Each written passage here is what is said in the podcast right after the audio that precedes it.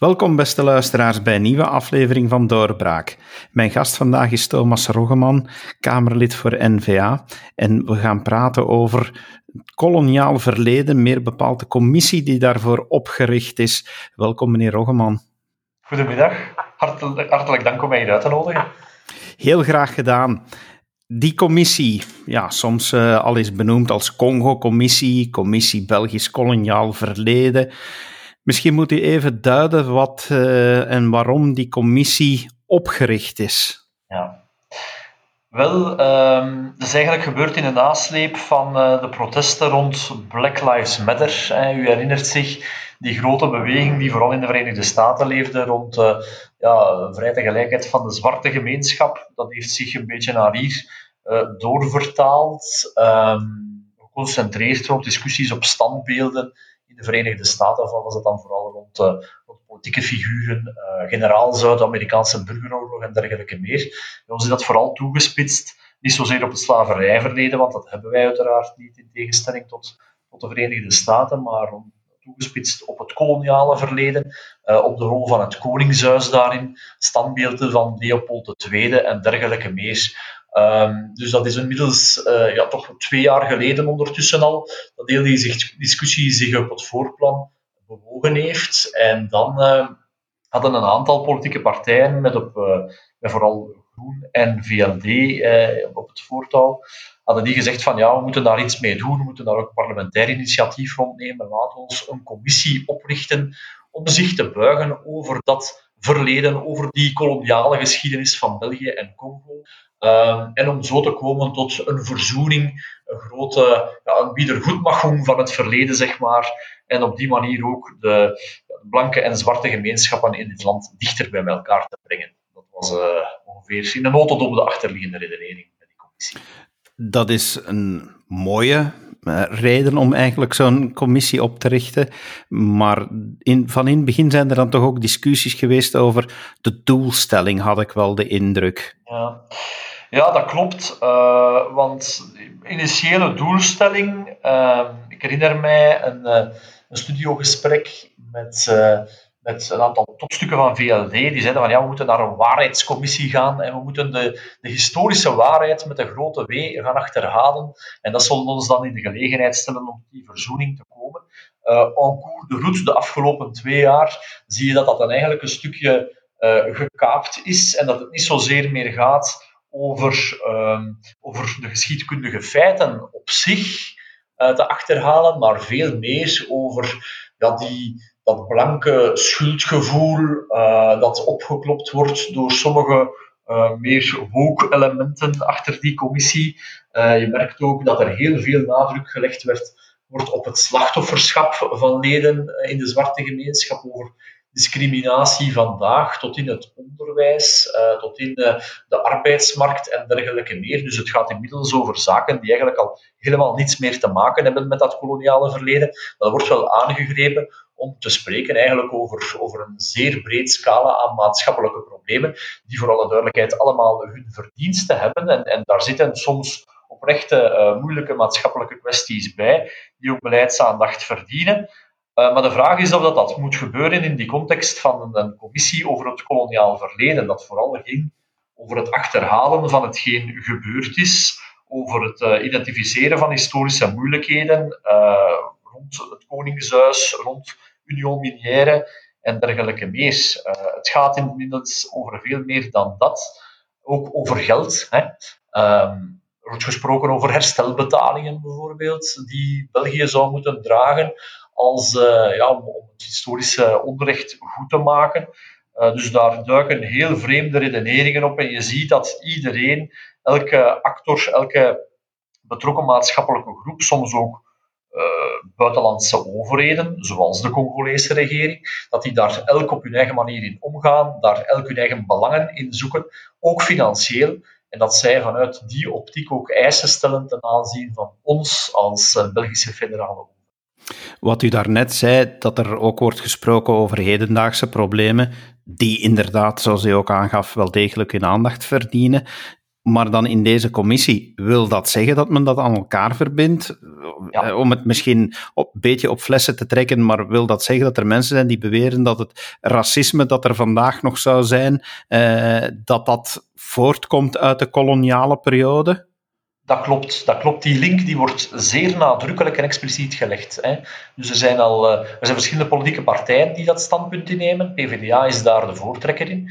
En sommige van de, van de academische experten die op hun voorstel uitgenodigd worden, die, die stellen ook dat met zoveel woorden. Die beweren dus dat racisme vandaag een rechtstreekse erfenis is van de kolonisatie van Congo uh, en van uh, in mindere mate Rwanda en Burundi als, als mandaatgebieden.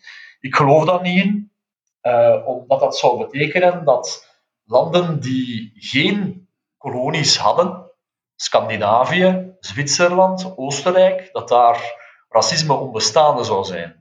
Ik denk, uh, als je dat aan diezelfde partijen vraagt, dat hun antwoord daarop negatief is.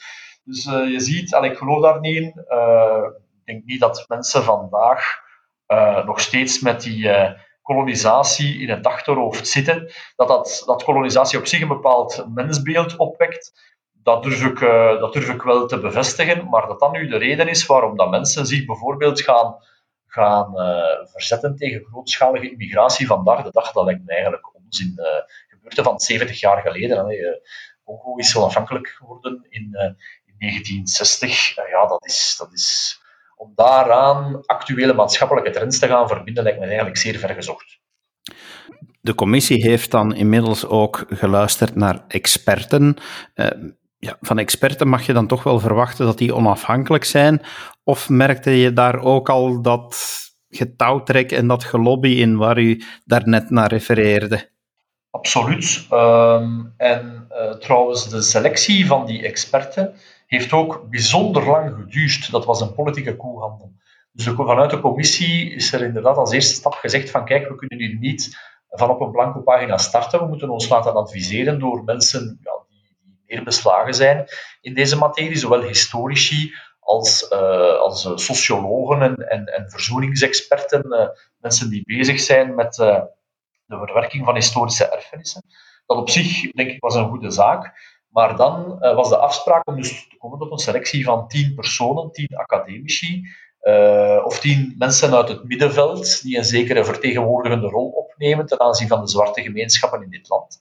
En de selectie van die tien personen, dat, uh, is een, heeft maandenlang geduurd. Het was een zeer moeilijke oefening, omdat je zag dat sommige partijen dat ook aangrepen, om daar mensen in te stoppen met hun partijkaart, of met een bepaald ideologisch profiel dat aanleunde bij, bij hun eigen politieke standpunten. Um, of mensen waarvan zij meenden dat die allee, vanuit de, de juiste tussen aanhalingstekens invalshoek die problematiek Het was een zeer moeilijke oefening en voor alle duidelijkheid, in de praktijk is gebleken dat het daar uh, de meerderheidspartijen waren, de Vivaldi-partijen, die eigenlijk volledig die selectie van experten naar zich toegetrokken hebben. Uh, ik zelf Ik heb een historische achtergrond, ik, ben, ik heb een opleiding als, uh, als geschiedkundige, uh, dus ik ken wel wat mensen in het veld. Maar uh, wij zijn niet op zoek gegaan naar, naar NVA'ers of naar mensen die, die bij ons in ons plaatje passen. We hebben oprecht vanuit een breed perspectief op zoek gegaan naar mensen die recente jaren gepubliceerd hebben rond de Congolese geschiedenis. Maar dat was, was eigenlijk niet bespreekbaar, zeker niet aan de kant van de CD&V, waar je echt zoektocht zag naar mensen, naar experten tussen aanhalingstekens, die, die bijvoorbeeld op een CD&V-verkiezingslijst gestaan hebben. Dat was uh, zeer frappant en ik vond het eigenlijk jammer dat we van bij de start die fout gemaakt hebben om dus echt te gaan ja, ideologisch determineren uh, wie er aan het woord mag komen dat moet dan toch ook wel zijn weerslag hebben in het document dat men nu gepubliceerd heeft. En dan document, ja, een zeer lijvig document. Ik ben het eens gaan opzoeken op de website van de Kamer. 681 pagina's als conclusies van die experts. Dat kan tellen. Uh, ja, en, en toch lijkt daar lijkt zelfs rond, rond dat document nu al onmiddellijk polemiek te ontstaan. Zelfs de experts die zeggen van, ja, eigenlijk hebben we, hebben we niet alles kunnen schrijven wat dat we wilden. Ja, dat laatste is zeker zo, eh, maar dat is niet de schuld van de experten, dat is de schuld van de Kamercommissie. Dus men heeft gezegd van kijk, dit, uh, dit startverslag voor die onderzoekscommissie, hè, het is een onderzoekscommissie in het parlement, is dat uitzonderlijk. Dat gebeurt bijvoorbeeld naar aanleiding van, van zeer zware politieke gebeurtenissen. Uh, in het verleden is dat gebeurd rond de, de moord rond Lumumba bijvoorbeeld. Standaard gaat dat over zeer afgebakende politieke feiten. Uh, op een gegeven dag een gebeurtenis met een beperkt aantal personen. Hier is de opdracht gigantisch groot. Was de vraag van geef ons een rapport dat moet gaan over de volledige maatschappelijke impact van de volledige koloniale geschiedenis vanaf de jaren 1880 tot vandaag. En dat in vier landen tegelijk: België, Congo, Rwanda en Burundi. Dus je zag van op voorhand dat dat een bespottelijk grote opdracht was. Dit is de, de meest brede uh, parlementaire onderzoekscommissie die er in de geschiedenis van dit land opgericht is. Dus het lag voor de hand dat die experten dat niet allemaal gingen kunnen doen. We hebben dat ook op voorhand gezegd vanuit NVA. Ik heb het zelf gezegd, meermaals, van laat ons alsjeblieft inperken, want dit is gewoon zodanig groot. We gaan nooit krijgen wat we willen. Uh, maar daar, daar was uh, spijtig genoeg geen oren naar. Uh, nu, het, het, uiteindelijke verslag is wel degelijk uh, zeer breed en zeer divers. Dat gaat over van alles. Dat gaat over sommige ja, inmiddels clichés, zoals de standbeelden. Dat gaat over herstelbetalingen, maar het gaat ook bijvoorbeeld over, uh, over de, publicatie van historische documenten, over de openstelling van archieven, zaken die wel degelijk naar het historisch onderzoek toe relevant zijn, waardevol zijn en waar ook wij als NVA'ers vinden dat daar wel stappen in moeten gezet worden. Die commissie, de stand van zaken nu, zitten we ergens in een richting dat het, dat het iets gaat kunnen opleveren? Of uh, zitten we nu met die commissie in een richting van, ja, er is een commissie geweest en we weten een aantal dingen, maar, maar we zijn niet veel opgeschoten? Ja. Uh, ja, goede vraag, want de methodologie is eigenlijk een, een, thema dat ook binnen de commissie regelmatig besproken wordt. We hebben nu het startverslag. Hetgeen er nu gebeurt, is dat we uh, eigenlijk consultatierondes houden met maatschappelijke groepen uit het middenveld. Tot hiertoe waren dat uh, organisaties die vooral op voorstel van onze commissievoorzitter Wouter de Vriend van Groen uitgenodigd zijn. En dat waren dan vertegenwoordigers van uh, de, zo, zogeheten slachtoffers van de kolonisatie. Um, hetgeen een beetje een vreemde denkwijze is, hè, want er worden dan mensen, vertegenwoordigers van de koloniale, van de, van de, van de Afrikaanse diaspora in ons land gehoord, die zichzelf presenteren als slachtoffers van de kolonisatie. En je merkt dat daar mensen bij zijn, jonger dan ik, uh, jonge dames van omtrent 30 jaar oud, die zichzelf presenteren als een slachtoffer van de kolonisatie die afgelopen is in het jaar 1960. Ik heb, allez, dat is een vraag waarmee ik nog altijd leef. Uh, hoe, hoe is dat mogelijk? Hè? Mijn grootouders die hebben ook de impact ondervonden van de Duitse bezetting onder de Tweede Wereldoorlog. Het zal bij mij nooit of te midden niet meer ja, in mijn gedachten opkomen om mij om die reden te gaan voorstellen als een slachtoffer van de Duitse bezetting. Uh, maar daar, ja, in, in koloniale context is dat blijkbaar normaal, gebeurt dat wel. Uh, ik zit heel hard met die vraag van waarom wordt dat op die manier zo gepresenteerd? Ja, ik vind dat een heel vreemde manier van zaken. Maar je merkt ook wel dat dat uh, past in een bepaald ideologisch plaatje. Uh, vooral vanuit de politieke linkerhoek wordt dat heel erg gestimuleerd. Uh, die aandacht voor dat, ja, de recreatie eigenlijk, de, de, de, het, zal ik het stellen, het verder zetten van die slachtofferrol en, en alles wat daarmee bij, bij gepaard gaat, is iets zeer, zeer merkwaardig dat politiek gedragen wordt, ook vanuit een bepaalde hoek.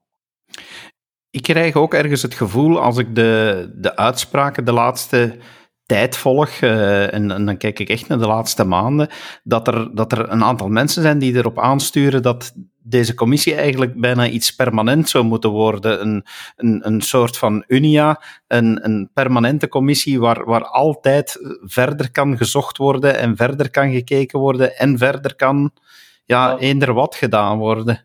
Goh ja, um, ik denk dat we. Ik heb die indruk eigenlijk gezegd niet. Ik denk dat het wel degelijk de bedoeling is, de intentie van elke politieke partij, om op een gegeven moment te landen en tot politieke conclusies en aanbevelingen te komen.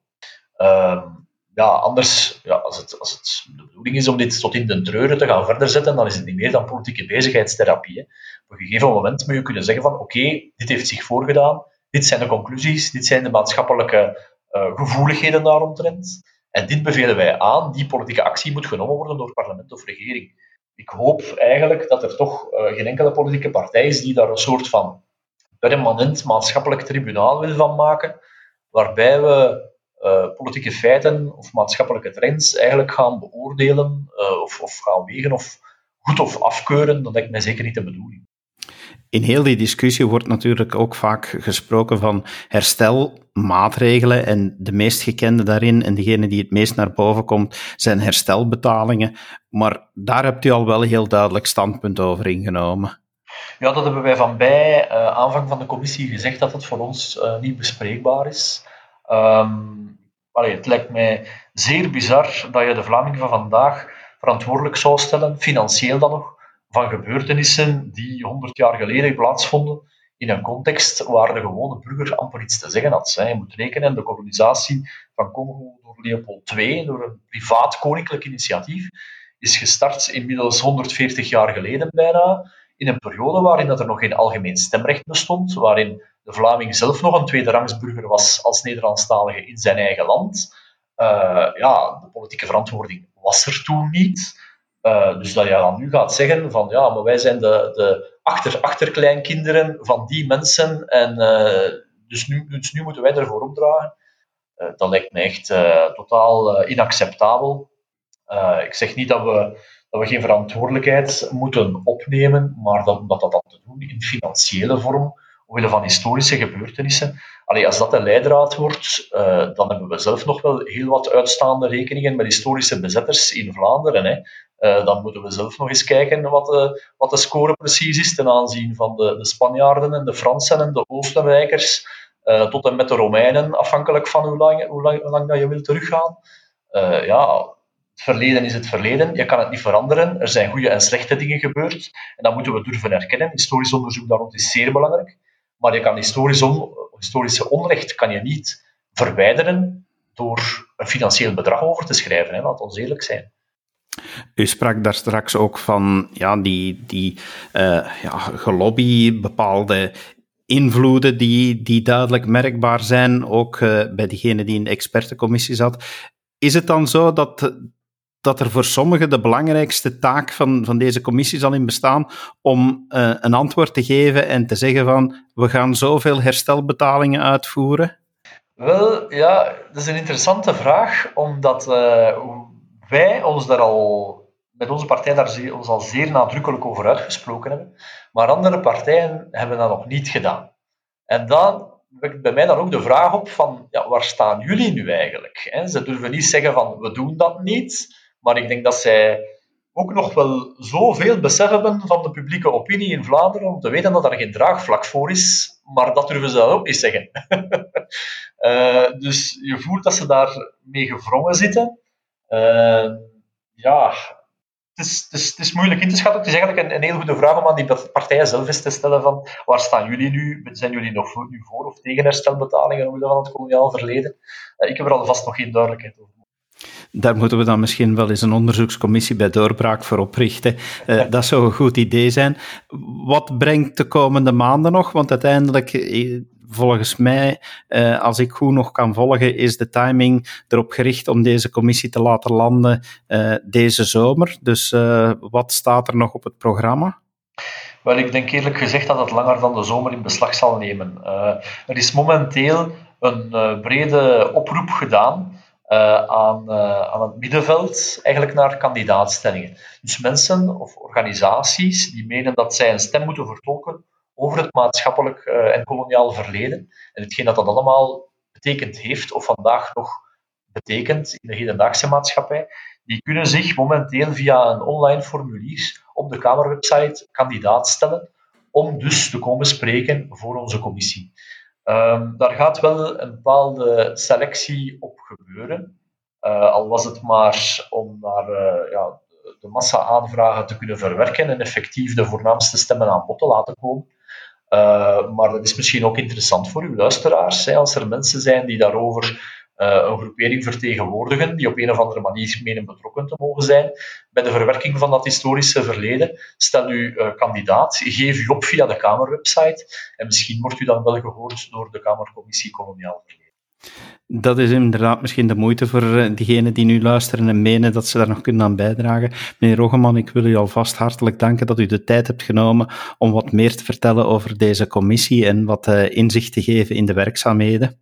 Dat is met uh, zeer veel plezier. Dank u wel. En u, beste luisteraar, dank u om te luisteren en heel graag tot de volgende keer. Dag. Dit was een episode van Doorbraak Radio de podcast van doorbraak.be. Volg onze podcast op doorbraak.be/slash radio of via Apple Podcasts, Overcast of Spotify.